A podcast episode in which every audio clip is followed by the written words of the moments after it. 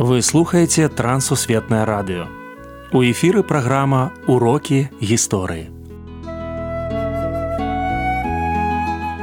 Запрашаем у падарожжа падзей, асоб і фактаў. Вучыцеся разам з намі.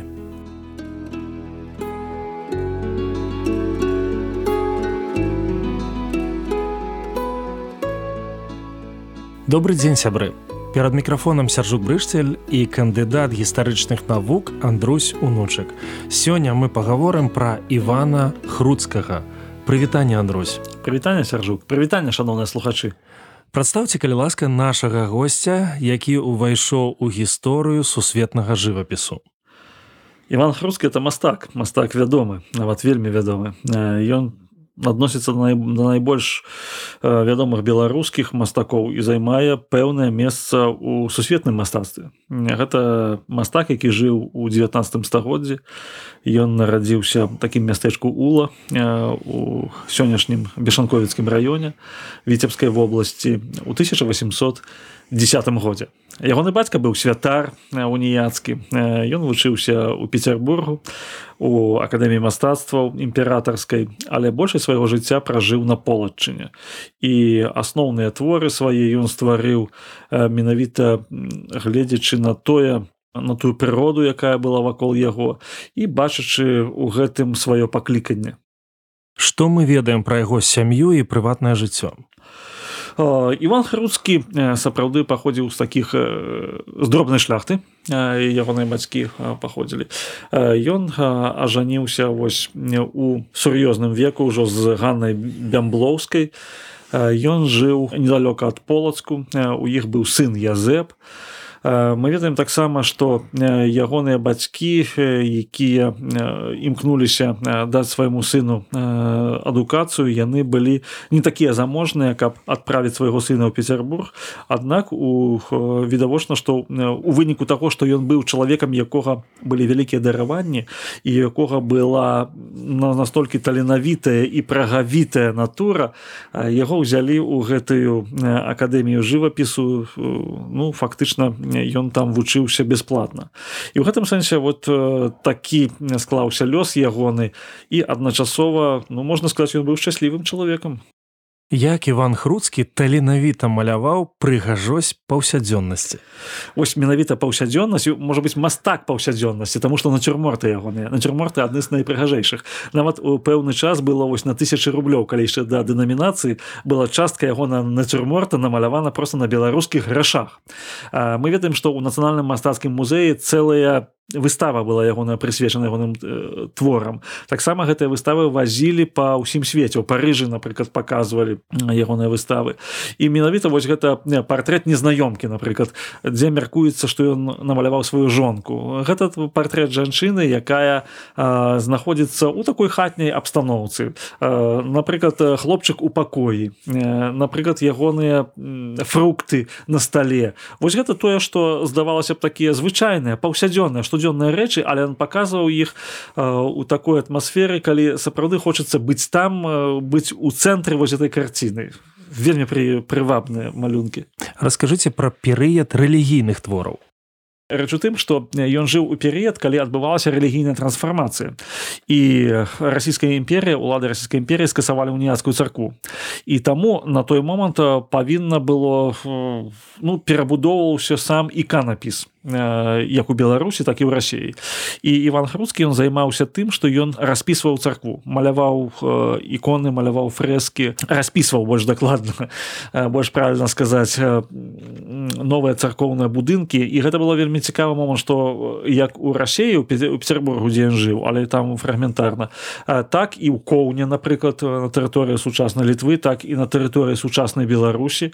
І ён быў чалавекам які якому давяралі вось гэта рабіць.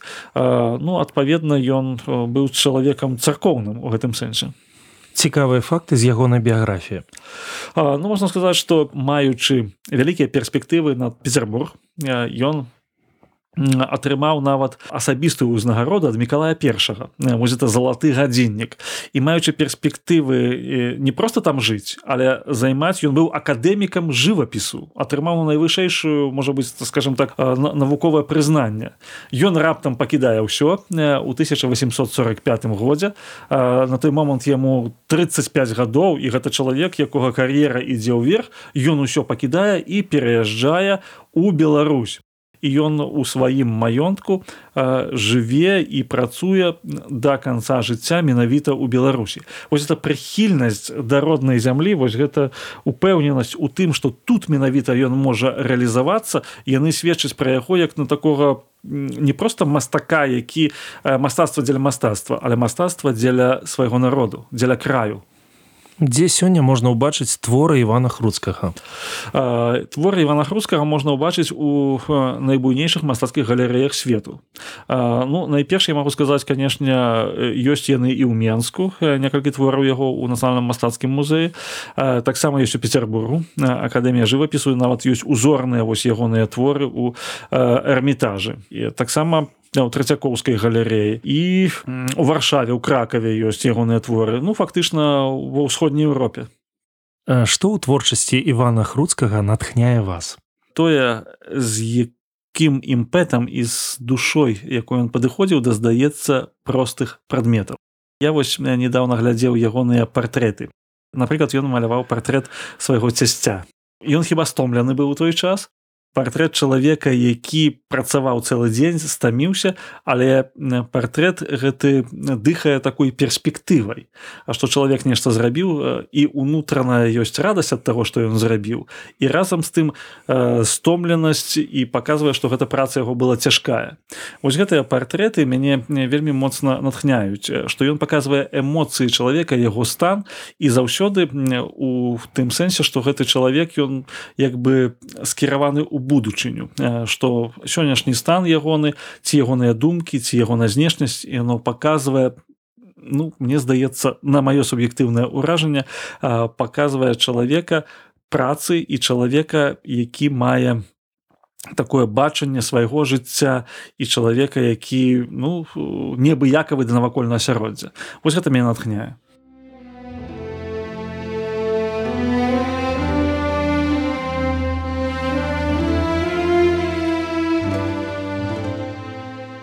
Імя Івана Хруцкага унесена ў спіс знакамітых людзей ЮНЕСКА. Будучы мастак нарадзіўся ў шматдзетнай сям'і. У дзесяцігадовым узросце пачаў вучыцца ў полацкім калегіуме, дзе атрымаў першапачатковую мастацкую адукацыю. У 17 гадоў апынуўся ў Петербурзе. Там працягнуў вучобу, працаваў у эрмітажы, дзе рабіў копіі твораў вядомых еўрапейскіх жывапісаў, а таксама маляваў карціны для імператарскай сям'і. Пасля смерці бацькі Іван Фаміч вяртаецца на радзіму. Па ўласным эскізе будуе дом, закладае сад і працуе. Пасля яго не засталося дзённікаў, лістоў і выказванняў. Аднак з намі працягвае размаўляць ягоная творчасць. Даследчыкі называюць хруцкага модным жывапісцам і віртуозам жыццёрадаснага нацюрморта, а ягоны стыль мажорным гучаннем. Думаю, што я зразумеў жыццёвы творчы дэвіз Івана Хруцкага. Для мяне ён чарговы урок гісторыі. На палатне жыцця пакідай маскі радасці.